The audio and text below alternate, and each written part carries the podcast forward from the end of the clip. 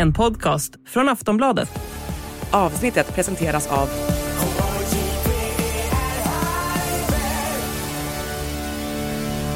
Stödlinjen.se, åldersgräns 18 år.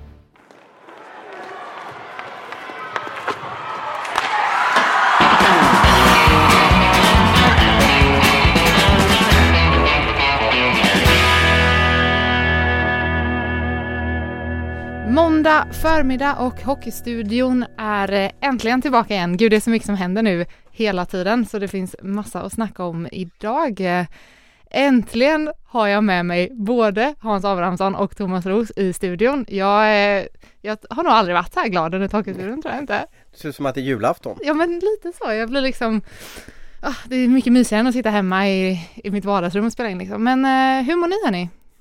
Ja men det är jättebra. Eh, jag satt och kollade på, åkte tåg här ner till Stockholm på måndag morgon och satt jag blev lite fascinerad över att det är bara några dagar kvar på den här grundseriesäsongen. Det känns mm. som att den i höstas var det så långt kvar men nu är vi framme med att ännu en hockeysäsong börjar gå mot sitt slut. Mm. Ja det är som vanligt. Det brukar rulla på fort efter nyår på något sätt. Och ljuset kommer tillbaka och slutspelet närmar sig och jag sitter där och funderar på vad fasiken man ska vara negativ över just nu. Men eh, jag kommer säkert hitta på något under programmet. jag tänkte precis säga det. Du har, eh, du har det inte i dig nu till en början nej, kanske? Nej, nej. Jag är förbannad på takdropp då, är inte det jobbigt? Jag älskar ju takdropp. Ja, det är ju finaste som finns. Förutom de får i nacken då möjligtvis. Ja. Då är det lite jobbigt. De här iskalla dropparna som kommer i nacken, de gillar jag inte. vi återkommer senare med det nya segmentet Hans hatar eller Abris, arga Abris. Vi får se. Ja precis, det var ju inte hemliga Arne i alla fall. kommer, ni ihåg, kommer ni ihåg hemliga Arne förresten? Jag gör inte det. De har Spar-Arne i Hofors vet jag. En butik som heter Spar-Arne. Den bör ni besöka. Um, idag kommer avsnittet se lite annorlunda ut för efter ungefär halva så ska vi köra igång en liten uh, chatt med, uh, då kommer vi ta in massa lyssnar och läsarfrågor från uh, sajten. Så jag tänker att vi kör första halvan med att uh, gå igenom lite förra veckan. Så andra halvan blir till vad alla lyssnare vill prata om och första halvan får bli vad ni brinner för att prata om idag. Mm. jag kan ju bara meddela, jag var på derby i onsdags. Mm. Det var du också Ros. Mm. mm. Försökte vinka till dig nere från läktaren. Såg du mig eller? Nej, vi satt på samma sida tror jag. Okay, ja. Så jag fick inte så, uh, så mycket svar där. Nej, Djurgården var ju alldeles för bra. Ja. De körde ju över AIK. Det var så. Mm, men jag tänker att vi kan väl, uh, alltså vi har ju snackat om det mycket, men vi börjar lite granna i, uh, vi kan bara börja lite i bottenstriden och se hur det ligger till där. Uh, Brynäs hittar tillbaka till formen, HV har bra form. Det är typ bara sjukt jobbigt alltihopa känner jag lite för båda lagen. Mm. Hur, uh, hur går tankarna där?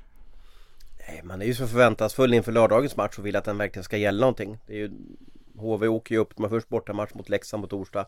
Sen tar vi givet att de stannar kvar i, i Mellansverige och åker till Gävle då på, på fredagen där för att ladda upp inför ödesmatchen på lördag. Det ju, blir ju den här första matchen nästan på hela säsongen. Det blir ju som en nästan som en play-in till det negativa kvalet om nu resultaten håller sig tisdag och torsdag. Så att det är jättekul att det blir en sån här match för oss som kan bevaka och se lite utifrån. Jag, jag lider ju med med HV71 och Brynäs då. Du hade väl någon bra liknelse där med hur HV-spelarna mår när, när det är liksom kval och tråkigheter och kris och sådär. Piss tror jag bara. Ja. ja hade jag, någon, jag vet inte om jag hade någon bättre liknelse. Ja, men man går ju inte ut. Ja, man går inte ut nej. Uh, nej, jag kan inte prata hockey i stan liksom, hemma i stan nu för att folk mår bara dåligt liksom. Ja. Så det... Vad gör man då för att liksom inte må dåligt då? pratar inte om det. Man pratar inte om Nej, vi döljer det, vi glömmer det. Ja, stoppa ner i ryggsäcken. Mm. Auris? Ja, nej, men jag tror att det kommer, det kommer att gälla något oavsett hur det går de här två matcherna på tisdag och torsdag. Det är ju mm. bra för att ehm, eh, behöver vi inte liksom nu sitter vi på måndag och pratar och redan nu kan vi säga att den matchen på lördag kommer att bli eh, sjukt avgörande för, för hur det kommer att gå oavsett resultaten i veckan skulle jag säga. Mm. Mm, både HV och eh, Brynäs börjar ju så smått, eh, eh, vad säger man, kravla ikapp på Luleå. Eh, har Luleå någon anledning att oroa sig? Jag tycker inte det och, och ändå liksom om man tänker på att HV har vunnit fyra av de fem senaste matcherna. Ändå så är avståndet upp till, till Luleå liksom för stort. Det där är speciellt med tabeller att när man satt sig på ett sätt och det är kanske sex poäng som skiljer och så vidare. Det är så svårt att äta upp det fast HV har ju en hysterisk form. Ja, nej, jag tror också det, det är de två lagen det kommer att stå emellan. Och eh, vi har ju försökt liksom räknat in Malmö där också ett tag. Men, men det är som jag säger att, att ta in de där poängen är, eh, det är jättesvårt. På, även om man har så pass bra form som både HV och Brynäs har just nu. Jag tror Brynäs har ju tre raka segrar och HV har fyra på de fem senaste. Så det är, ju, det är ju två lag också. I. Det var ett intressant resonemang också. Jag såg så att kolla lite på Simor sena matchen därefter och Fag, Joakim Fagervall var med i studion. Just det här med käns eller skillnaden mellan att vara tidigt vara i kval eller vara det här laget som kämpar om att undvika kval och vad som är en fördel när man går in i en, i en, eh, i en kvalserie. Vi såg ett tydligt exempel förra året där Timrå var klart för kval tidigare. Eh, Djurgården eh, var väl hypat och gick bra innan man vek ner sig på slutet och när man kom in i kvalet så var Timrå bättre förberedd helt enkelt på, på kvalspel och man funderar lite grann på på det här laget av HV och Brynäs nu då som kommer att förlora det här slaget. Hur, hur stukat man är och eh, hur stor fördel Malmö har som, som har varit klart för kval. Så. Jag tror också att Malmö kan ha en fördel om Ja de vet om att de ska kvala men, men vinner de de två, vinner de omgång 51 och vinner de omgång 52 så kommer de med en positiv trend in i kvalet. Det tror jag är väldigt viktigt. Det blir som du säger att det laget som förlorar av den här kampen mellan Brynäs och HV de har ju förmodligen förlorat kanske omgång 51 och 52. Då går de ju in i det här kvalet med en helt andra förutsättningar och tyngda av att det har ja, gått åt helvete. Abris, jag tänker vända mig till dig nu. Du hade en liten, eh, du hade en liten spaning eller en liten önskan inför programmet att vi skulle inte vara så analyserande idag utan prata lite mer om händelser som har skett i veckan.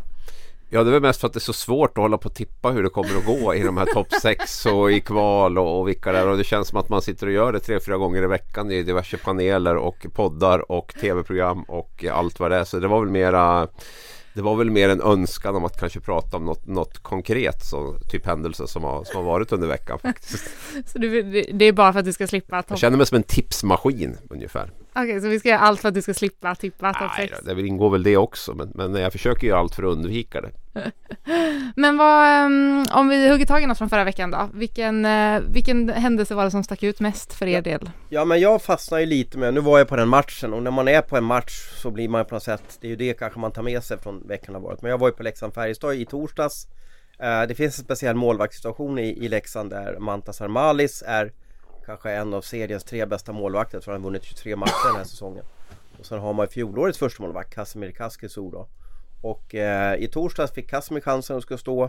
Eh, han blev utbytt efter en period.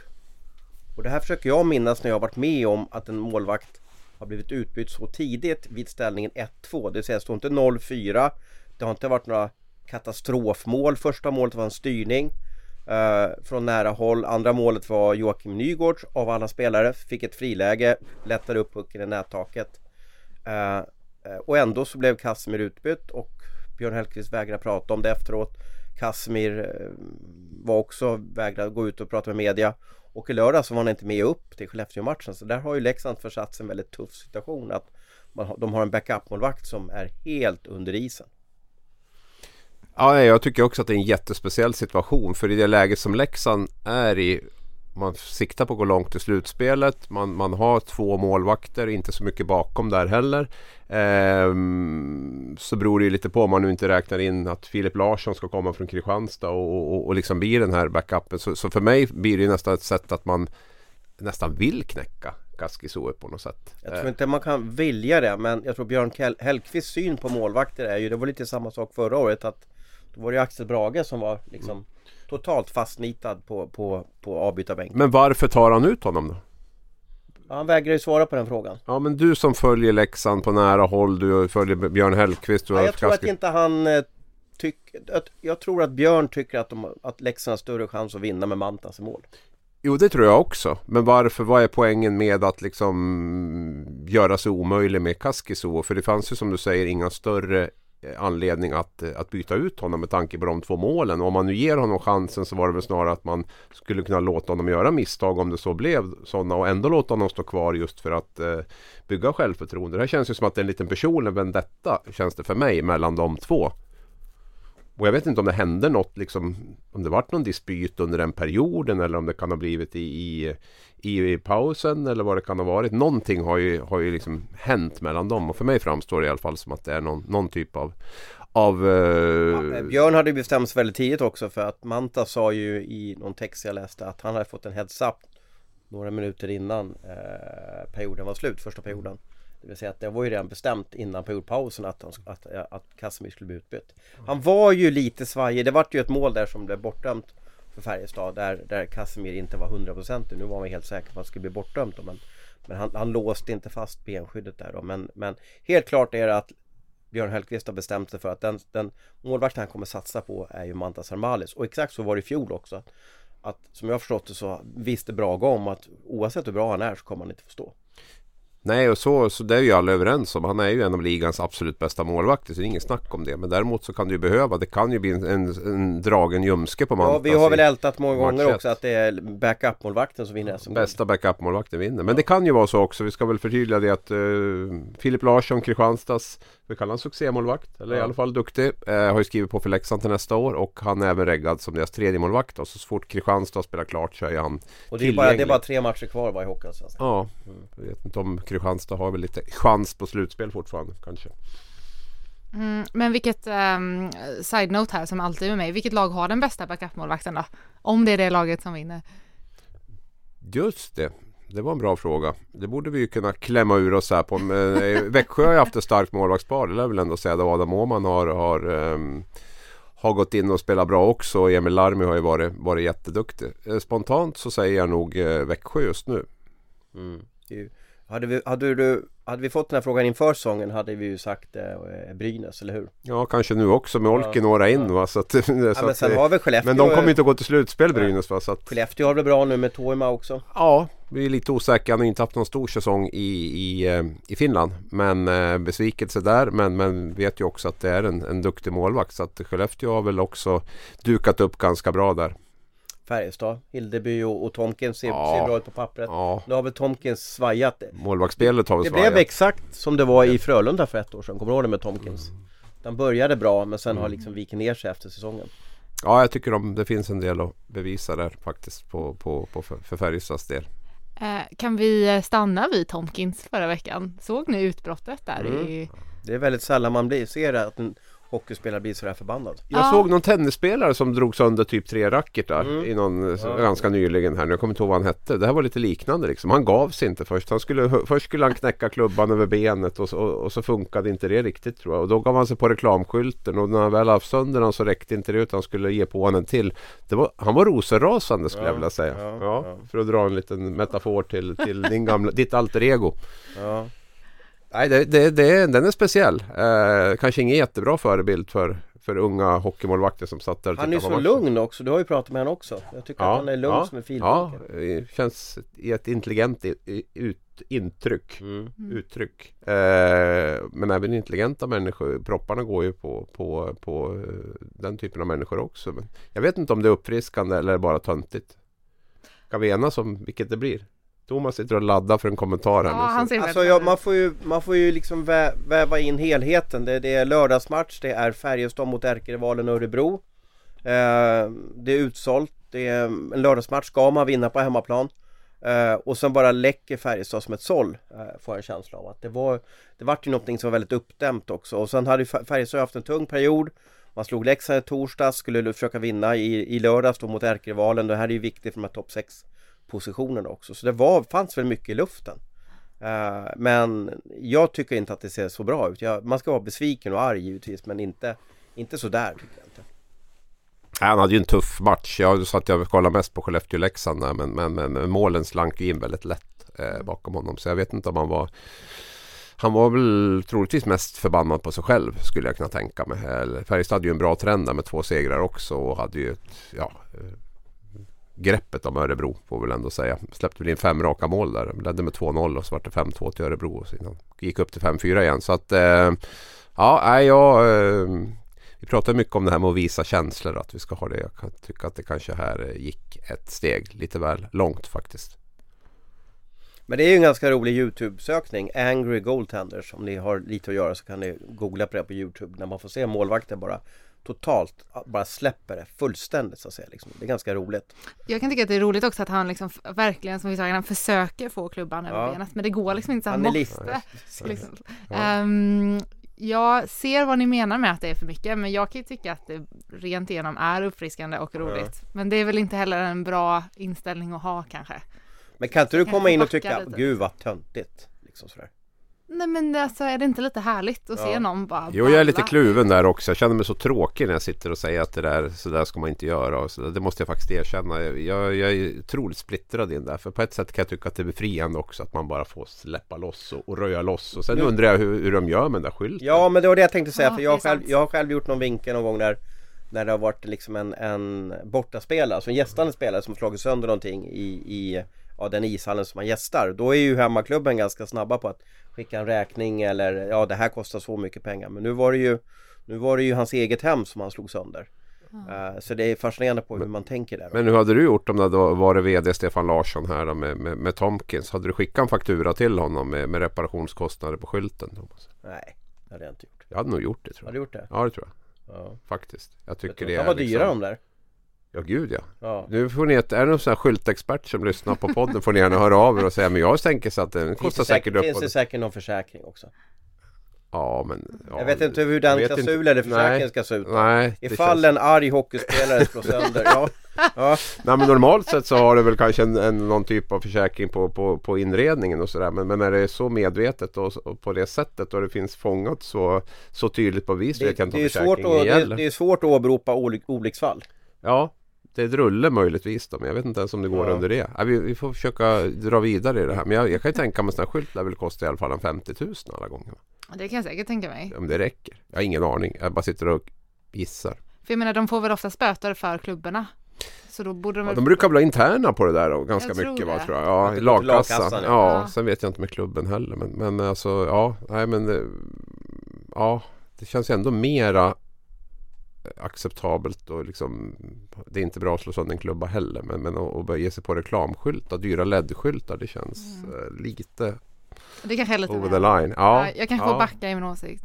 Eller, Nej det behöver du absolut inte göra. Jag älskar när vi har olika åsikter. Jag är inte så säker på att min åsikt är rätt heller. Jäkla gött bidrag till lagkassan ändå att slå sönder en LED-skylt liksom. Undrar hur han kände sig på söndagen då? Förstår jag, när förmodligen han lugnar ner sig och så ser han att det här sprids då Ja, Ja. kanske redan på lördag kväll Ja, när han kom hem. Ja, nej det är väl klart. Det är bra, man ska våga känna saker liksom. Ja, Okej, nej okej. Man kan säkert vrida på de orden också.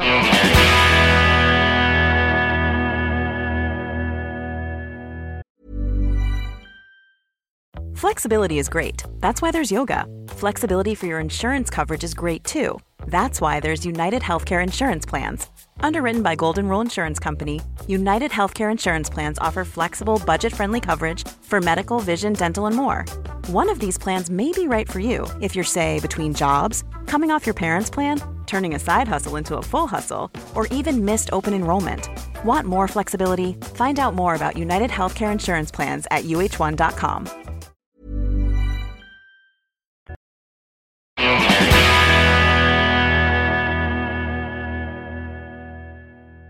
På tal om, om vi backar tillbaka till Leksand förresten. Jag såg, eh, jag läste din artikel från förra veckan Ros. mm. Vad Ja. var det med... Nej men jag fick höra det där att, att eh, Nu var det ingen anmälan men det har blivit en klagan på att det var för hög ljudvolym eh, i samband med Leksands eh, eh, hemmamatcher Det finns ju massa decibelnivåer där som ska vara i, i gemensamhetslokaler Och så var det då bland annat den här trumman då som Leksands klack använder sig av för att bygga stämning som skapade en, en jobbig basgång tyckte en person då. Det var, det var någon som sa att det var en, en man som hade köpt eh, en ståplatsbiljett då och hamnade väldigt nära Alltså högt ljud och en trumma och det här tyckte han var obehagligt.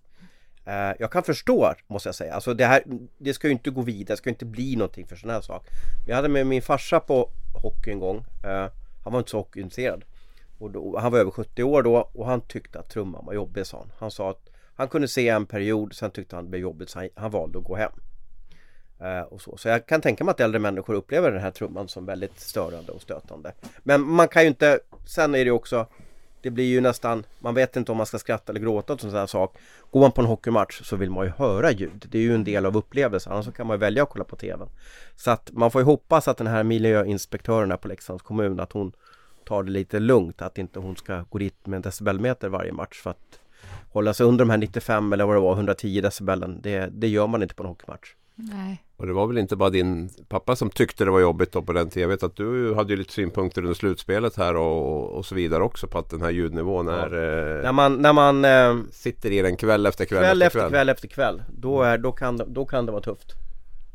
Men, eh, Det kanske räcker, plus 50 då bara. Sen finns det ju, ja precis, sen finns det ju sådana olika ljud. De hade ju något i fotbollen, du är bättre på det Julian och mig. Sådana här voeler eller Vuvuzela. Eller någonting sånt där. Så var inte det också en sån här snackis. De här klapporna har vi ju också pratat rätt mycket om. Ja, de är skönt att få bort. Ja.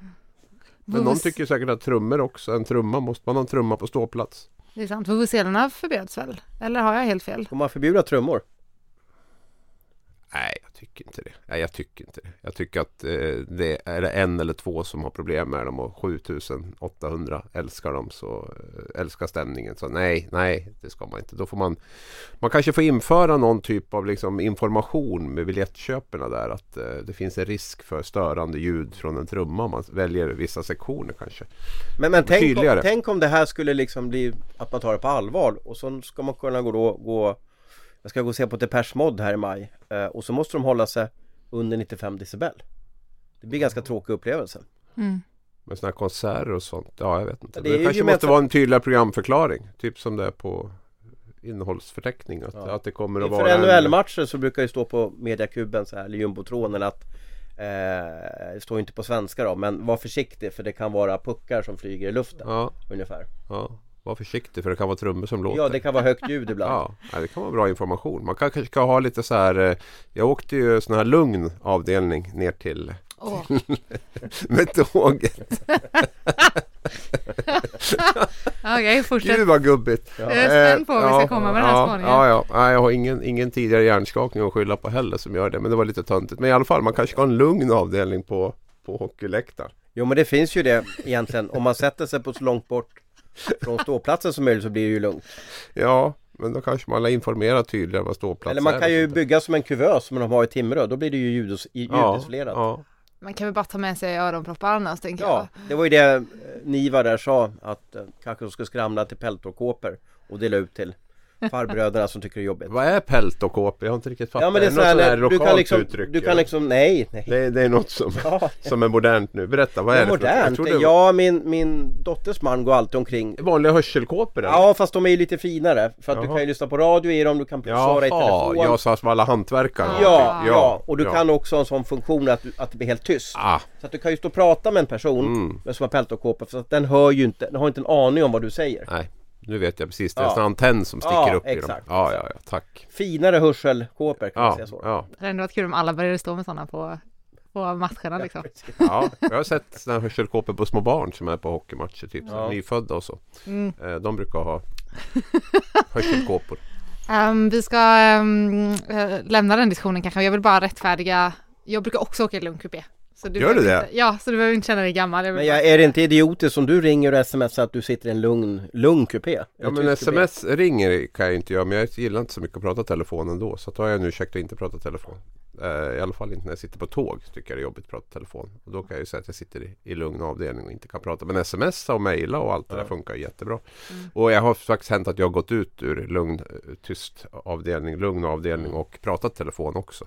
Men jag tycker de äter så mycket i de här vanliga andra klasser. De dukar upp och det kan vara köttbullar och det kan vara grejer. Alltså, de- Är du arg på det nu också? Nej jag är inte arg men jag tycker det, Det kommer nu! jag tycker det är lite jäkla SJ vet Ett de bara äter ätande där. Ja men det är mycket ätande på de där eh. Framförallt på de där snabbtågen där i Så är det liksom så här och det är, i lugn, lugn avdelning så äter de inte så mycket heller faktiskt. Jag var med Vet du när också de, när de skär upp en sån här eh, Mamma Scans köttbullar typ och det bara luktar i hela kupén. Nej det tycker inte jag om.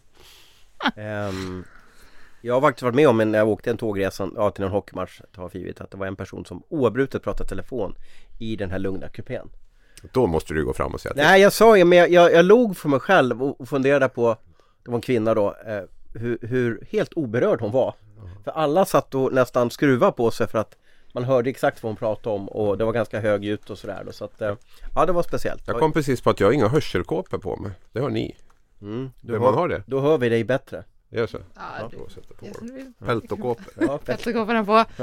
Eh, det är sådana här samtal det blir när vi är samlade Ja, vi måste fint? vi, fan, vi, vi, det spårar ur. Vi Ja, måste, vi spårar ur. måste Vi ta ska- oss vidare. Förlåt, det är mitt fel. Ja, Vi drar oss tillbaka till hockeyn men vi kan väl, eh, vi stannar kvar. Vi pratar om eh, händelser som varit i veckan nu. Det är det nya. Mm.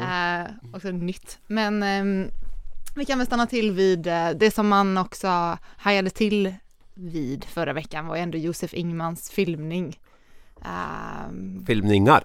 Filmning. två Plural. Ja. Två stycken. Det är nog helt unikt i svensk hockey att någon har blivit anmäld för två filmningar i samma match. Är det klart. så? Ja, Ja. jag kan inte vara med om Nej, det. nej. Man har ju inte blivit anmäld för filmningar, det är inte, har ju inte pågått så länge heller ska man ju Nej. veta om också. Nej men det var ju, de, de var så tydliga också tyckte jag. Ja framförallt den första Ja, den är ena ju där är ju- solklar. Ja. Den andra vet jag inte ens om han har blivit anmäld för om inte han hade blivit anmäld för den första på något sätt. Det kändes som att, eh, ja, ja den var ju, det var ju också en förstärkning men där var det ändå en ganska rejäl propp liksom som, som, som kom. Så att, eh, ja, jag tror att han fick, det var karma där att han fick den andra anmälningen också för att den första var så bedrövlig. Vad, vad har det blivit för påföljd? Jag har inte... Jag har inte sett någon på Nej men det kommer väl. Eh, och jag vet inte hur de räknar det. För att det är ju 5000 på den första du blir fälld för. Och Ja. 10 000 på den andra. Alltså, Ja, i kronor. Alltså blir du fälld för filmning en gång så får du böta 5000 kronor. Och blir du fälld för en filmning ytterligare en gång så får du böta 10 000 kronor. Du får en... Men det har ju aldrig hänt att det har skett samtidigt. Men rent logiskt borde han få 5000 plus 10 000. ah. Så 15 000 bör han ju få det i Den avstängning. måste ju svida. Ja, det är ju en halv, eh, vad heter det, charterresa. Ja. Mm. Och det, för annars så byggs det på under säsongen liksom, så att du får en filmning, sen två, sen tre, eller vad? Ja, ja, så får du tre så vet jag inte om det är tio Det finns väl någon tidsperiod också där som det ska. Ja, Okej. tre är det väl ingen som har fått än vad jag vet. Eh, inte under samma säsong i alla fall. Jag vet att Kinnamin har väl varit uppe och snuddat vid 10 000 någon gång. Har jag för mig. Mm. Eh, men men eh, nej, så det, men det var väl en... Nej men det är jag, jag har sagt det tidigare och jag står för det. Att det, det är ett eh, jätteproblem. Nu kommer jag inte ihåg exakt vad det var man skulle... Det var någon ny regeltolkning eller någonting man skulle ha in här tidigare. Men och, eh, jag vet inte vad det var. Men i alla fall. Och jag sa att det här är ju det stora problemet. Här måste de ju liksom hitta ett sätt. Och jag, jag, tycker, att, jag tycker att de måste få videogranska filmningar. Det, jag har varit ganska för det här med att laget måste liksom sätta nivån och man ska skälla ut filmare och tränare ska bänka filmare. Så men jag tror inte riktigt det funkar. Eh, men däremot, jag hade ett intressant samtal med Thomas Mittell om det här förra säsongen och just det här med att när det liksom drabbar laget då då börjar även man internt att ta tag i det. Liksom. Så länge man får med sig utvisningar och sådär så det blir inte riktigt. Man, man fuskar ju lite grann här och var på isen. Man kanske håller i lite extra. Man sticker in lite tidigare på en tekning. Man, man förstärker en situation. Förstår? Alltså det, det är något som pågår hela tiden. Men blir, blir laget straffat att man får utvisningar för filmningar då blir ju lagkompisarna förbannade. För något man inte ska göra så är att dra på sig onödiga utvisningar. Det, är ju liksom, det straffar ju verkligen laget. Och en parallell till det här, nu, nu säger jag inte att Tom Nilsson skulle ha filmat då, men jag tänker på Brynäs eh, match mot, mot Frölunda. Mm. Eh, där eh, Kvist då tacklar Tom Nilsson. Det blir en tvåa i matchen, sen när de kollar på den här igen eh, så får han fem matchers avstängning. Det vill säga det skulle ju ha varit matchstraff. Och Frölunda kanske har fem minuters powerplay eh, i matchen. Jag vet inte vad det stod i matchen när det hände. Tänkte på om, de, om, om Frölunda kanske kunde ha tagit Jag poäng. funderar på om det var 2-0 eller 3-1 eller Ja, något sånt men om de har fått en fem minuters Mm. Ja, ja, ja. ja, det var två måls skillnad i alla fall. Så här. Och det, det är det som är Och mest... Då menar ju en del på att hade Tom då legat kvar eller förstärkt eller vad man kallar för Då kanske domarna sett oj vad hände här? Mm. För att när, man, när de kollade på det efteråt, de som är duktiga på sådana här grejer så, så tyckte de att det här var ju alltså fem matchers avstängning, det är ganska grovt Ja, och det som blir så väldigt fel i det här, det är domarna måste ju ha läst situationen totalt fel. För de har ju dessutom en livlina att ta här. Man kan ju sätta upp en femma, gå ut och kolla den och känner man att nej, det här var bara en tvåa för interference. Eh, vilket man nu hade som första bestraffning då. Då kan man ju ta ner det till en tvåa. Så att man hade ju verkligen läge att, att kolla den på, på plats. Man hade stöd i regelboken. Och, och det är det här lite grann jag menar att jag tycker att jag är inte för videobedömningar. Men jag tror att ska vi komma till rätta med filmningar så tror jag att man, det måste bli tillåtet att videogranska. Men orkar vi med en sån grej under match då? Orkar vi med förstärkningar då? Ja Jag bara tänker på Det är två onda ting på något sätt jag känner att det, det, är värre med, med förstärkningarna för det blir inget bra. Jag tycker synd om domarna, jag tycker synd om lagen som drabbas och jag tycker liksom att det blir en ganska osund liksom, kultur på, på isen där det är lite som Thomas är inne på att det ska löna sig att ligga kvar för annars får man inte med sig straff eller där vi har filmningar som, som sker fast det inte händer någonting och så. Det blir, det blir inget bra och jag är inte för några videobedömningar men om de ändå har har skiten så kan vi ju lika gärna ta och granska det som verkligen är viktigt, tycker jag. Men ja, eh, och jag kan ju också tycka, det kanske man får se över till nästa år, men situationsrummet sitter ju och kollar på varenda liten minut vad som händer där ute. Tycker man att de borde ha någon knapp de trycker på att Vänta nu, vi vill kolla på det här igen. Ja, det borde väl också vara en sån mekanism. Det är inte bara, det är inte bara att domarna då i, för de har ju har en ganska pressad situation på isen. Uh, inte, inte bara att de ska tänka, ja ah, men vi kör en femma och så granskar vi. Utan det borde också situationsrummet borde kanske kunna ge stöd här. Att vänta nu, ja, det här. Uh, saftblandaren borde gå igång, ja, absolut. Ja, eller dörren till utvisningsbåset öppnas. Liksom. Ja, jo, och det är ju liksom, man har ju den tiden på sig ändå. Nu vet jag inte om domarna ville vara liksom, vi har ju också kritiserat lite grann att vissa beslut måste man ju ta på isen och måste kunna döma och sådär. Jag vet inte, nu var det väl som att de, de fastnade i det där att de, att de, de eh, inte skulle ta, ta eh, råd från någon annan än, än sig själva. Men med facit på hand så, så blev det ju helt tokigt. Mm. Vad tycker ni om, eh, om vi hoppar över till Brynäs där, Oskar Kvist, fem matcher. Vad tyckte ni om den då? Var den rimlig? Ja men det blir ju jättefel. Alltså, det, det, är ingenting att säga om det. Sen tror jag den är helt oavsiktlig om jag ska vara helt ärlig. Alltså, Oskar Kvist är ju ingen ful spelare överhuvudtaget. Men han, går, han, ska, han ska väl gå in liksom, nära, nära spelaren på något sätt och skärma av honom. Och det blir ju, han träffar honom rätt i huvudet. Så det är, det är ingenting att säga om. Det, jag tycker att det Gör man och, och så... från blindside också. Ja, ja, ja. Tom ser ju inte. Ja, men han är ju inte ute efter att tjuvsmälla honom utan det blir ju bara fel. Men det är ju ingen ursäkt utan det är ju en förklaring möjligtvis. Men då, då, men då får man ju stå sitt kast och jag tycker att... Missar resten av säsongen. Ja, fem matcher. Så att, eh, ja resten av grundserien. Mm. Mm. Eventuellt kval är han väl tillbaka mm. i alla fall. Ja. Nej, så att det, det kändes som, som en, en rimlig, en rimlig eh, bestraffning. Mm, hur mycket lider, hur mycket kommer Brynäs lida av det? Ja, det är ju inte, det är marginellt. Det är ju en fjärdekedjespelare som, mm. som, som gnuggar på där och det finns ju spelare som kan komma in. Men det är klart, man behöver väl ha alla spelare i, i, i de har ju inte så jättebred trupp så att det är ju, det är ju det är en kropp mindre i alla fall. Då. Men, men, men det, kunde, det kunde ha varit mycket värre på, på en annan Men jag fascineras ändå av det här och vad konsekvenserna kunde ha blivit av, av uh, Tänk om, om Frölunda har gjort två mål under powerplayet. Ja, ja. Nej, det, det är ju eh, jätte... Och, och att Brynäs bara fått en poäng i matchen. Ja. Mm. Och att de här poängen blir det som skiljer mellan Brynäs och HV. Ja, och just när det finns den här möjligheten att gå in och granska situationen. Det är en sak att det går fort där ute och man kan mm. missa en utvisning. Men här hade man ju faktiskt en, en, en, en livlina att dra i. Och men såg kolla. du att det var en tuff tackling när du var i hallen då? Ja, jag, nej, jag såg den på reprisen. Ja. ja. Det är ju så svårt det där. Alltså. Det här var ju alltså i det hörnet längst bort ifrån mig. Och dessutom hade ju Tom Nilsson liksom ryggen emot mot mig också. Och Brynäs var en arrangörsklubb så de vevar ju inte den där på jumbotråden. Nej, det gjorde de inte. Det var mera fokus på ett lagstraff eventuellt på Frölunda som, eh, som var i samma situation där de var sex spelare på isen eller något sånt där. Så det vart ju liksom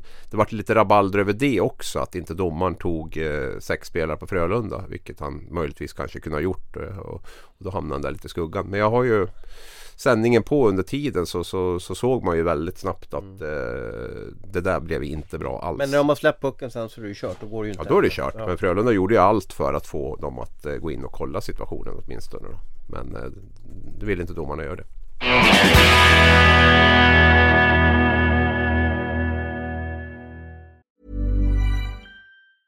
Ready to pop the question? The jewelers at BlueNile.com have got sparkle down to a science with beautiful lab-grown diamonds worthy of your most brilliant moments. Their lab-grown diamonds are independently graded and guaranteed identical to natural diamonds, and they're ready to ship to your door. Go to Bluenile.com and use promo code LISTEN to get $50 off your purchase of $500 or more. That's code LISTEN at Bluenile.com for $50 off. Bluenile.com code LISTEN.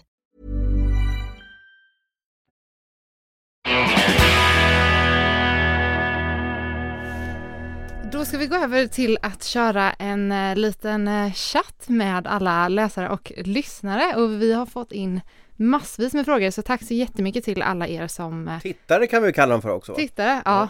Det är sant faktiskt. Mm. Jag tänker bara podd. Mm. Men eh, tack så jättemycket till alla er som eh, skickar in. Det är verkligen svinkul. Men vi, eh, vi kickar igång med standardfrågan och tyvärr Abris, du kommer kanske behöva tippa någonting. Men hur tror ni bottenstriden slutar?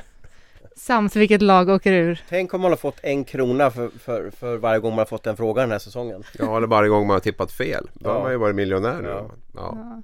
ja. Jag har ju sagt, jag har sagt HV och Malmö kval sedan tidigare så jag tänker att det är bättre att, att inte ändra det för då kan man ju få fel två gånger. Så att jag, jag, jag säger HV och Malmö då och um, jag tror HV klarar det.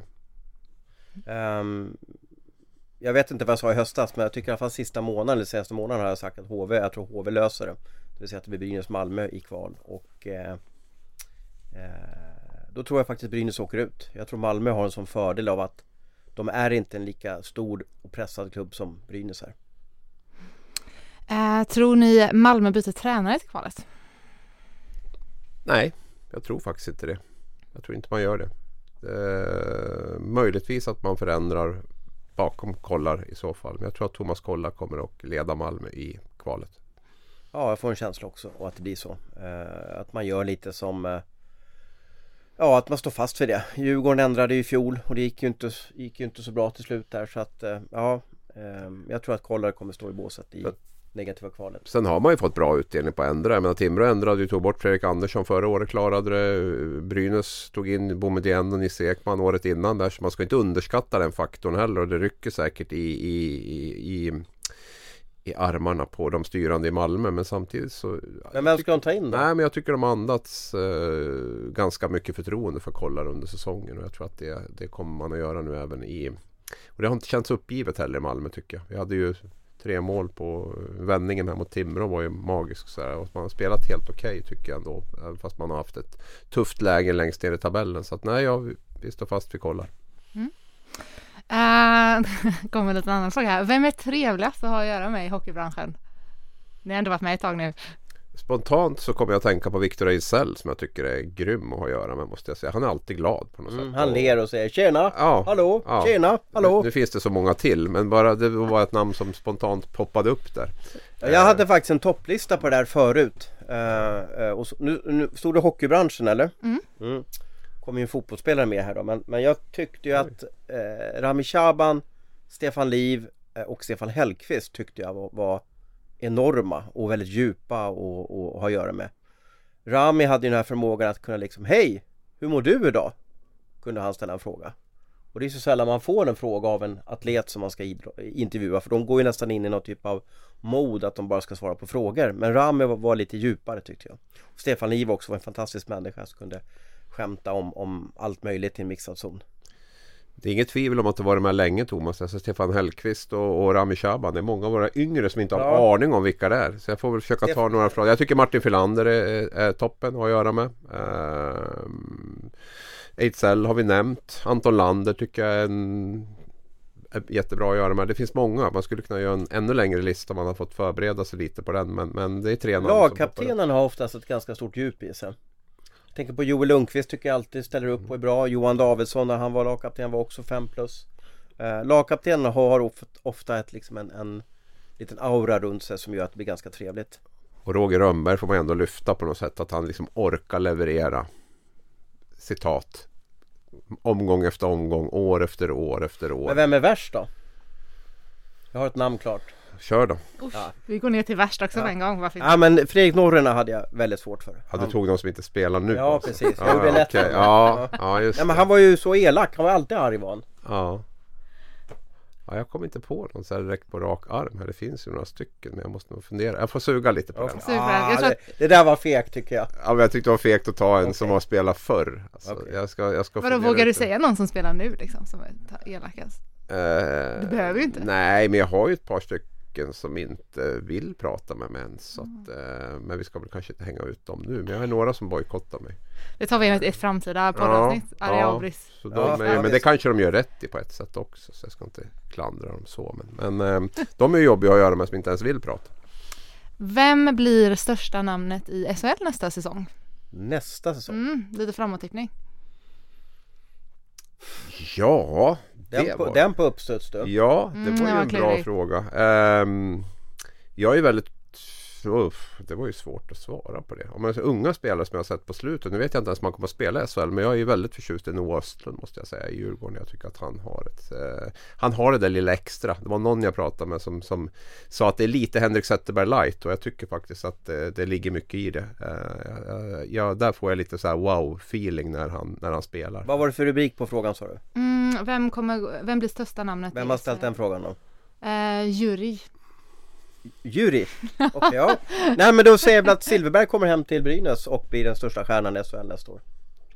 Snyggt. Vi, äh, äh, jag slår ihop två frågor här, en från eh, Rolf och en från Conny S. Hur tror ni det går för Leksand i slutspelet?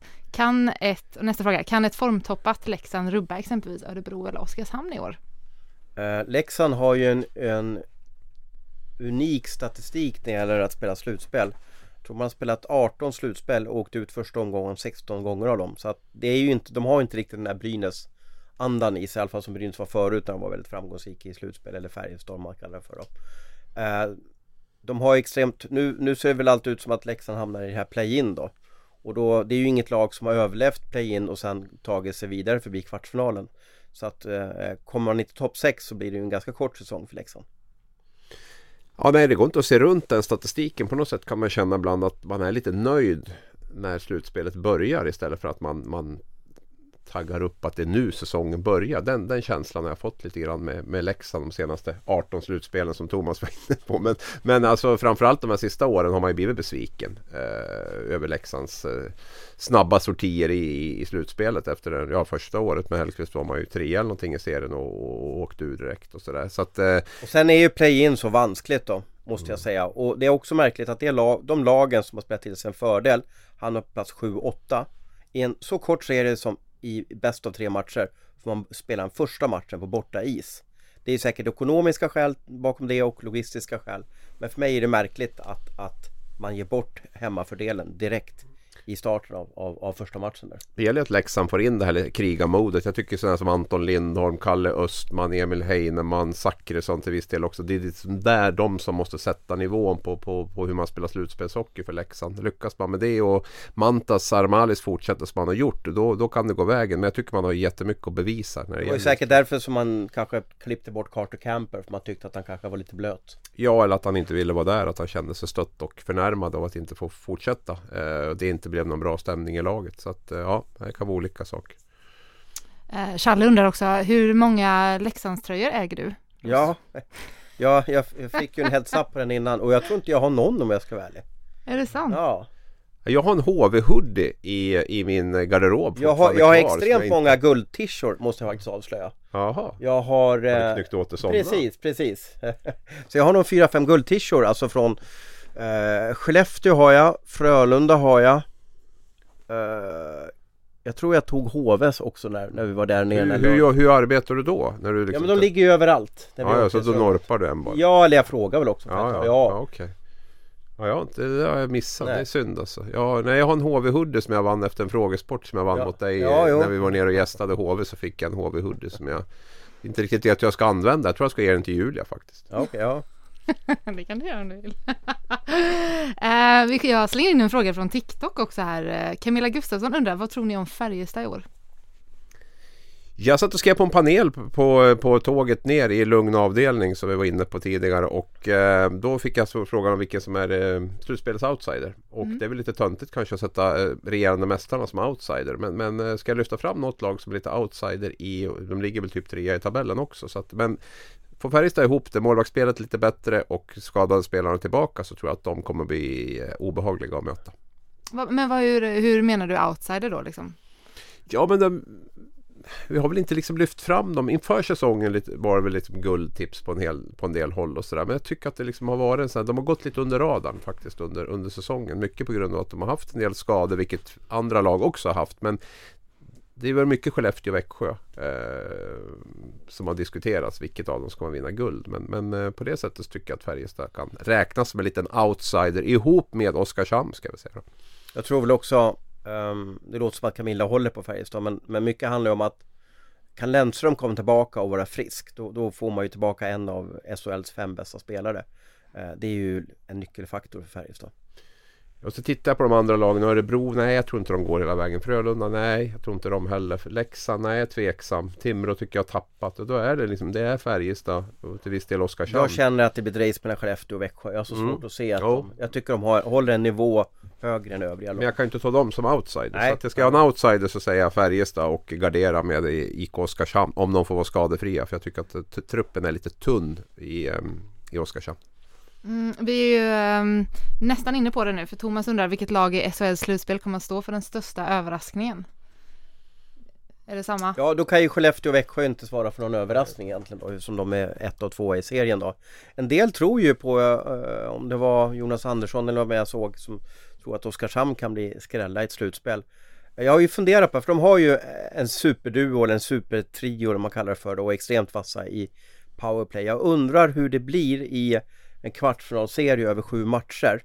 Om man lyckas ta bort dem, eh, hur klarar de av hårt fysiskt spel match ut och match in mot samma tuffa backpar. Det undrar jag. Där kan det då bli att de kanske blir, ja, inte vet jag, lite hårt ansatta som gör att de inte klarar, klarar av att leverera. Eh, just när det är samma lag man möter, kväll ut och kväll in. Ja, jag håller, jag håller med där och det blir en tuff utmaning. För det är klart att 99% av taktiken mot Oskarshamn, vilket lag som än möter dem, blir ju att försöka stänga ner deras första kedja. Och eh, i ett slutspel är det betydligt lättare eh, att få betalt för den typen av, av matchning och, och coachning och, och vad det är för någonting. Jag minns när Örebro hade den där superkedjan med Derek Ryan där och, och Växjö bara stängde ner den, den kedjan och sådär. Så att, men, eh, Ja, eller eh, Delaros och Omark från final, Mm. finalspelet. Andreasson där med, och, Precis, ja. Nej, så att jag, där har de väl en utmaning naturligtvis då. Samtidigt så är det ju ett lag som har eh, imponerat något enormt och som har en offensiv spets och som jag tycker var riktigt, riktigt bra i slutspelet förra året också. De städade av Leksand enkelt och pressade Rögle, Rögle in i Match. kaklet i Sju match matcher. sju. Ja. Mm. Ja. Så de, de, de var bra redan förra året och de är mm, ännu bättre i år. Vi eh, hoppar över till Hockeyallsvenskan lite. Vad är mest troligt närmaste åren? Att AIK blir ett SHL-lag igen eller att de går i konkurs eller åker ner i division 1? Ja, och det är ju det är en klockren och lite rolig fråga fast den, den, den stämmer ju för att AIKs AIK är ju en fotbollsklubb en hockeysektion kan man kalla det för. Eh, och det är så upp och ner. Det som det, som det pratas om nu det är att det ska in 30-40 miljoner då och göra en ny satsning. Eh, det där har man ju sett några gånger under åren. Men det krävs ju den storleksordningen på, för externa finansiärer för att det ska hända någonting. För att det ska ske någonting. Eh, för att man ska ta nästa steg och kunna utmana Modo, Björklöven. Jag, jag tror inte man kommer gå i konkurs. men det, det är lika troligt faktiskt att man åker ur som att man går upp till SHL. Att ta sig till SHL också nu, det känns som att det blir tuffare och tuffare. För det finns fler starka lag i Hockeyallsvenskan som har lyft sig en nivå som är SHL-kompatibla. Jag tänker på Modo är där, Björklöven eh, är där, Västerås är egentligen där. Nu har de ju misslyckats den här säsongen, men jag tänker på arenan och organisation. Södertälje tar nya steg. Eh, och så har vi kanske att, ja Djurgården också har vi inte nämnt. Men sen har vi också kommit ner ett lag från SHL också, vi ser att HV åker ur eller Brynäs åker ur. Då ska AIK slå bort Brynäs eller Malmö eller HV också. Så det blir tuffare och tuffare att gå upp. Det tror jag absolut nyckeln för AIK är ju. Jag skulle, skulle jag ju vara i en situation där jag skulle ha lastat allt jag hade på en riktigt bra sportchef. Det har fått kosta vad det kosta vill. Alltså. Gett honom ett, ett bud han inte kan tacka nej till och sagt att du får 250 000 i månaden för att komma hit.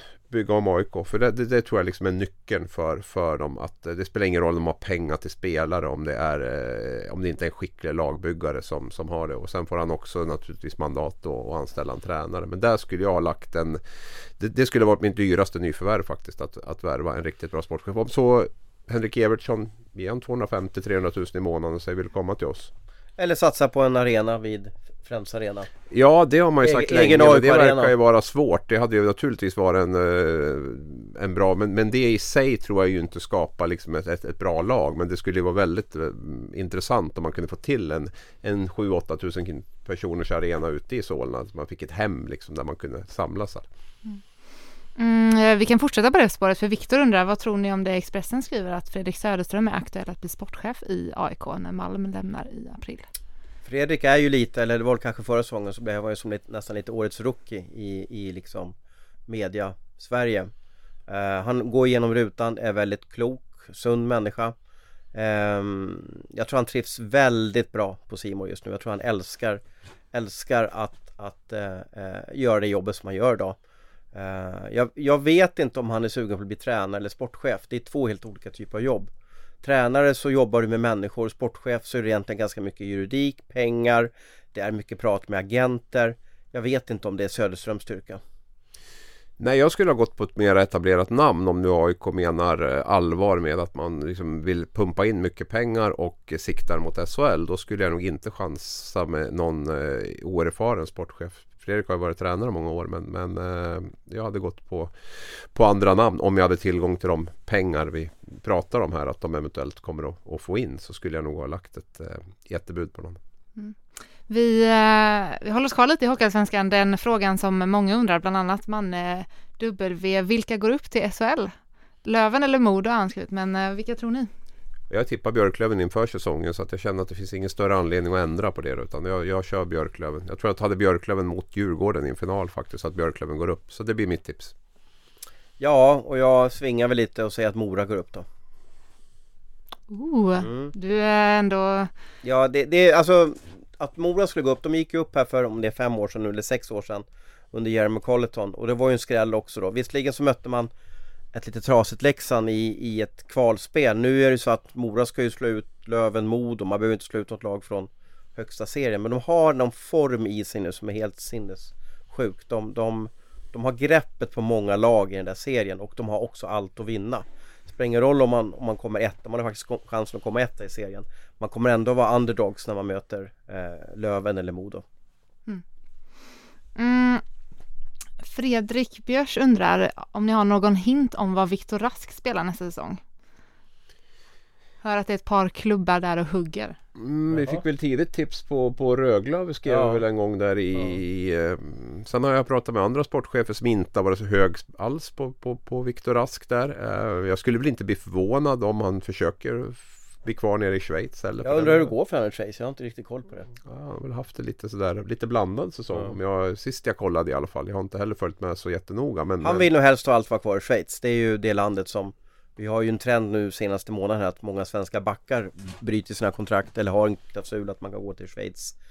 Eh, så att där, det är ju liksom ett steg uppåt jämfört med att vara i Sverige. Det är ju en svår spelare också. Hur, hur, hur bra är han i SHL-miljö 2023? Hur mycket är man beredd att lägga på honom? Jag tror att det finns en del frågetecken runt eh, hur, hur, stark är brinnet och drivkraften efter att ha kört NHL-svängen i tio år. Och varit ganska välavlönad där borta ja, också. Ja, rest bra, bott bra. eh, Allt det där. Det, det, det är ju sådana frågor som, man, som jag tror många sportchefer funderar på. Och, eh, men det är väl klart att det kan, blir han tillgänglig på marknaden så finns det säkert ett par tre klubbar. Även Örebro kanske tittar på, på en sån typ av spelare. Leksand verkar inte som att det är aktuellt med. Eh, Rögle har vi nämnt tidigare. Eh, ja, Linköping. Ja, kan vara. Kan vara. Men det är som sagt, det är, det är ingen lätt liga att spela i SHL och du måste ha du måste ha ett stort engagemang och liksom verkligen brinna för det för att liksom vara in, komma in och vara en, en eh, producerande spelare. Mm, Benny undrar om Linus Omark kommer till Luleå nästa säsong. Och följdfrågan, vad har gått fel i klubben i år? Roos är vår omarksexpert så jag tror han boll, bollar den till honom. Ja, Ja men jag har varit faktiskt hälsat på honom i Moskva en gång har har varit och träffat honom lite överallt. Um, alltså man måste ju när man ska liksom diskutera och analysera eller gissa om en, en spelares framtid så måste man ju ta in en familjesituation. Eh, Linus börjar bli lite, han är ju född 87 om jag minns rätt, fyller väl kanske 36, hans familj växer och barnen blir äldre. Det är väl klart att en dag så måste man liksom på något sätt, ja, vända hemåt. Man måste andas ut och, och, och fokusera på skolgång och så vidare. Eh, han är ju het som en get nu i, i Schweiz, han leder väl poängligan och allting. Så att jag tror det handlar om att om, om, om familjen känner att vi, ja, men vi måste flytta hem, det går inte, vi kan inte hålla på och leva så här i, liksom utomlands längre till. Ja men då, då, då kommer han ju hem. Men är det rent hockey, han har ju kontrakt nästa år om jag förstått rätt med, med sin schweiziska klubb där. Så att det är inte bara bryta igen och, och, och, och lämna Luleå som han har redan gjort en gång. Eh, och sådär. Jag, jag kan nog gissa och jag killgissar att han är kvar i Schweiz ett år till men hans familj bor i Luleå. Då säger jag att han spelar med Luleå nästa år. Då får någon av oss rätt i alla fall. Ja, Ja men så, det är så vi ska jobba här, ni ska alltid Hockeystudion hade rätt igen. Ja.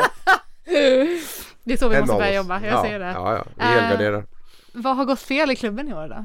Ja, Men det är väl Omark och Andreasson? Ja, och av dem. Ja, och sen missbedömde man väl värv, värvningsmarknaden. Alltså hur man, man trodde nog att man skulle kunna få in dels i, redan i maj att man skulle kunna värva några toppspelare och så gick man bom där och så säger man väntar vi till augusti-september och så försöker vi ändå och så gick det inte alls då heller. Så man har ju Man tappade ju stort sett all sin spets man hade. Inte bara Omark och Andreasson utan Leppestö också. Sami Leppestö som var jättebra för dem. Gjorde mycket poäng och var en riktigt bärande spelare.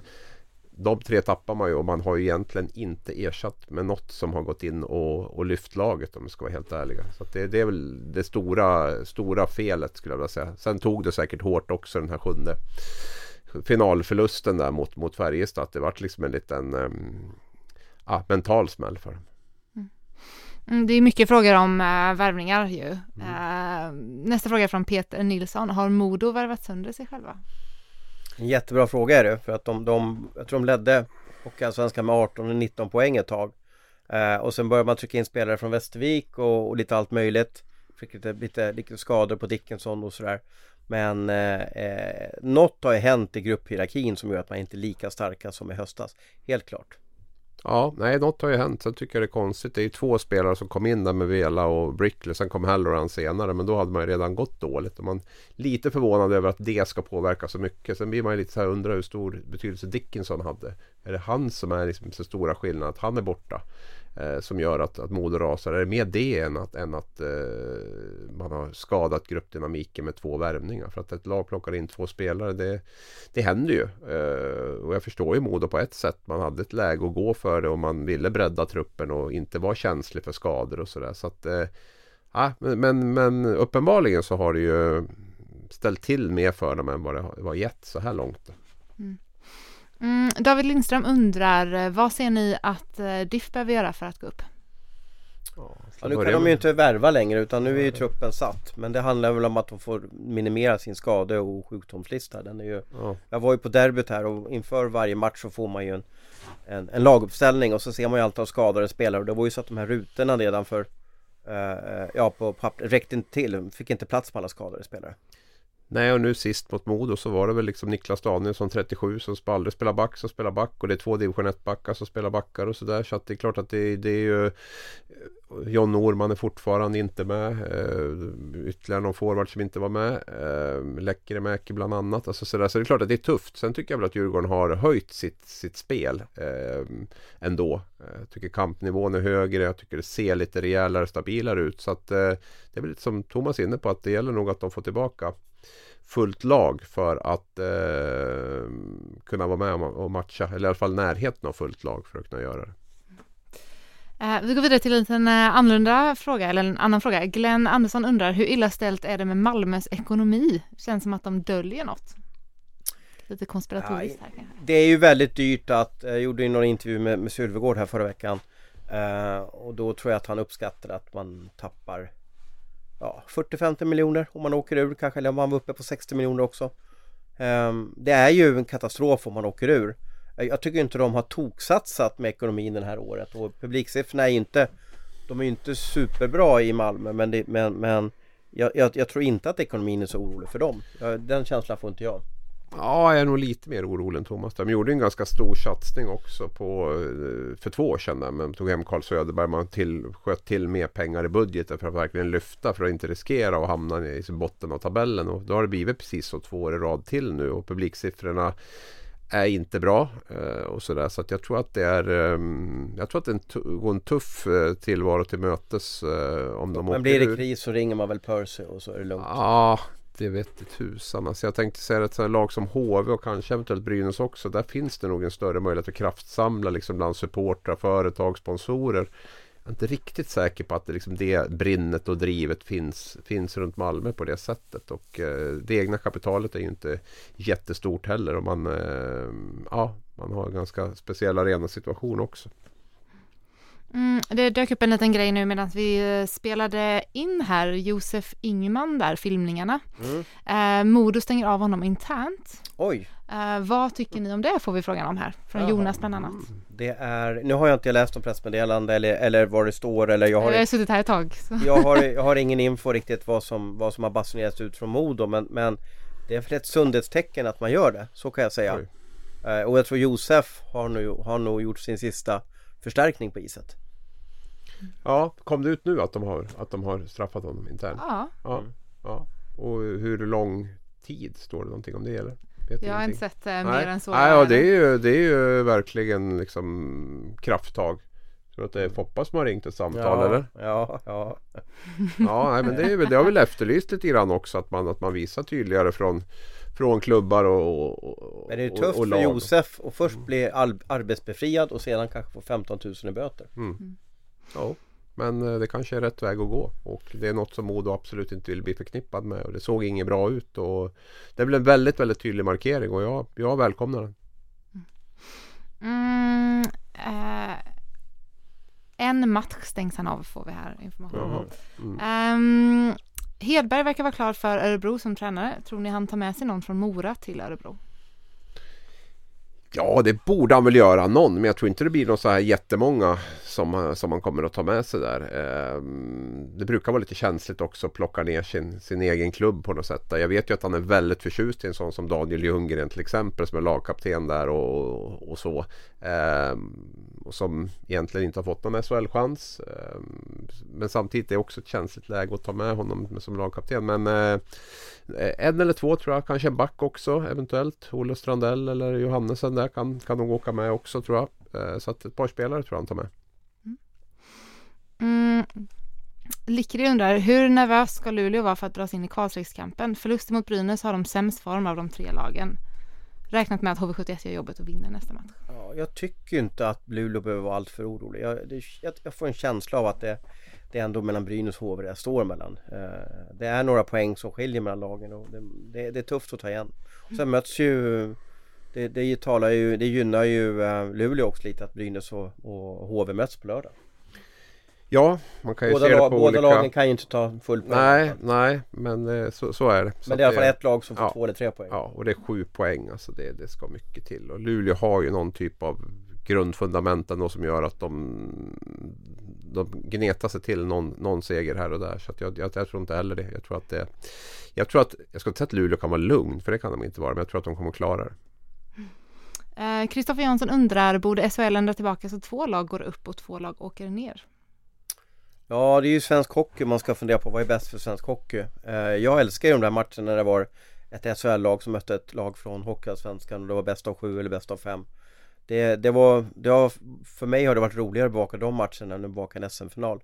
Och det är väl klart att alla lag i Hockeyallsvenskan eh, vill ju att två lag ska kunna ha chansen att gå upp och att två lag ska ha chansen att åka ur SHL. Men SHL vill ju inte det. Det är ju där frågan liksom klämmer. Att man vill ju inte att tappa två familjemedlemmar från SHL. Eh, för svensk hockey stort, ja, då tycker jag att det var roligt om, om fler lag kunde kunna åka upp och åka, åka ur. Ja, och jag, jag, tycker väl kanske att man skulle hitta någon, någon, någon mix av det där på något sätt. Att man prioriterar seriespelet kanske lite högre. Är man dålig i serien över 52 omgångar så kanske man ska åka rätt ur. Är man bra i Allsvenskan över 52 går rakt upp. Och sen att man har ett kval mellan lag 13 och en eh, framkvalad tvåa då i, från Hockeyallsvenskan så får man lite både och. Man Vi kan väl ge ett snabbt förslag att lag 1 går upp och eh, det laget som vinner Hockeyallsvenska slutspelet går också upp. Ja, då går Se- både se- serien och serien och, eh, och eh, ja, ja, precis. Sen tycker jag också att man behöver jämna ut den här skillnaden mellan att spela SHL och Hockeyallsvenskan. Jag tycker att det blir för stor katastrof att åka ur. Jag tror att skulle man minska glappet med 20 miljoner, ha någon typ av stege så skulle det ändå vara dramatik och vi skulle ändå få det vi, ja, det publiken vill ha och det vi vill ha och sådär. Så att det, men det skulle samtidigt inte slå så otroligt hårt som det gör nu. Men det gäller ju att nästa avtalsförlängning som Hockeyallsvenskan gör med, med Simor eller Telia eller vilka det nu kan vara. Se till att få mycket betalt. Ja absolut. Fotbollen har ju annorlunda. De har en bättre stege men de har också två ligor. De två högsta ligorna är gemensamt i svensk elitfotboll och det gör ju också att man kan fördela tv-pengarna på, på ett annat sätt. Det funkar ju inte här utan det måste ju Hockeyallsvenskan få upp sitt avtal. Då. Vi ska ta någon eh, mer fråga och sen ska vi faktiskt stänga ner det i en liten, eh, liten lunchchatt idag så vi hinner inte med så mycket. Men eh, Martin undrar, har Skellefteå fysiken att vinna i år jämfört med förra säsongen? Oj, det var en lite nördig fråga. Ja, men jag, jag tycker de har eh, Jocke Lindström, Hugg, Oskar Nilsson, Pudas. Två bra målvakter nu. Jag, jag tycker de har allt. De har en helhet. Tyckte matchen i lördags här mot Leksand var en av de alltså, bästa hockeymatcher jag sett den här säsongen. Det är ju en relevant fråga. Man vart ju lite utboxad av, av Färjestad i förra årets kvartsfinal. Man var inte riktigt beredd på vad som förväntades av dem. Jag tror att de är mer, mer inställd på vad som, vad som kommer i ett slutspel nu. Men det är väl klart att de har ju de har ju liksom inget jättefysiskt lag på det sättet. Petter Granberg naturligtvis, Kühnhackel, några till. Men det, det är väl en fråga. För får Skellefteå spela på fart och, och sådär då, då kommer ju inget lag att, att rå på dem. Men, men eh, blir det lite Ryggsäckshockey. Ja, och lite mer fysiskt som Färjestad. De, de visste ju precis var de skulle sätta in eh, stöten mot Skellefteå. Det var ju just att eh, spela ganska fysiskt på dem och eh, fick bra betalt för. det.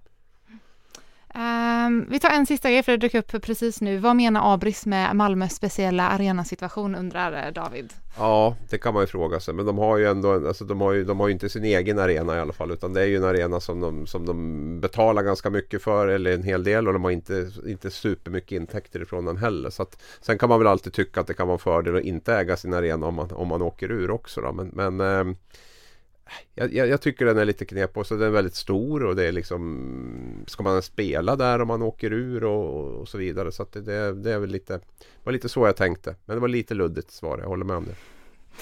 Eh, och med det så eh, stänger vi ner eh, dagens program. Eh, tack Hans Abrahamsson, tack Thomas Ros, tack till alla er som har skickat in frågor. Vi hann inte med alla tyvärr, men vi ska göra vårt bästa och besvara det i kommande poddavsnitt eller kommande chattprogram. Vi spar dem. Och så vi spar dem ja, och så tar vi upp dem nästa vecka. Ja, jättebra. Eh, det blir skitbra. Eh, tack till alla er, er, som har tittat, lyssnat, eh, så eh, syns vi igen om en vecka.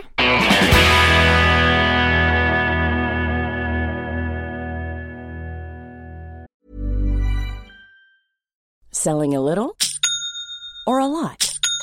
Shopify helps you do your thing however you cha-ching. Shopify is the global commerce platform that helps you sell at every stage of your business. From the launch your online shop stage to the first real life store stage, all the way to the did we just hit a million orders stage.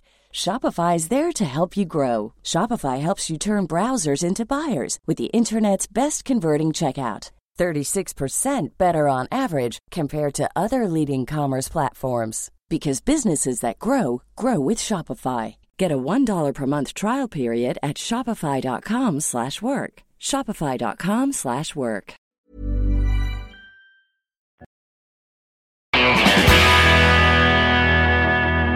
Du har lyssnat på en podcast från Aftonbladet. Ansvarig utgivare är Lena K Samuelsson.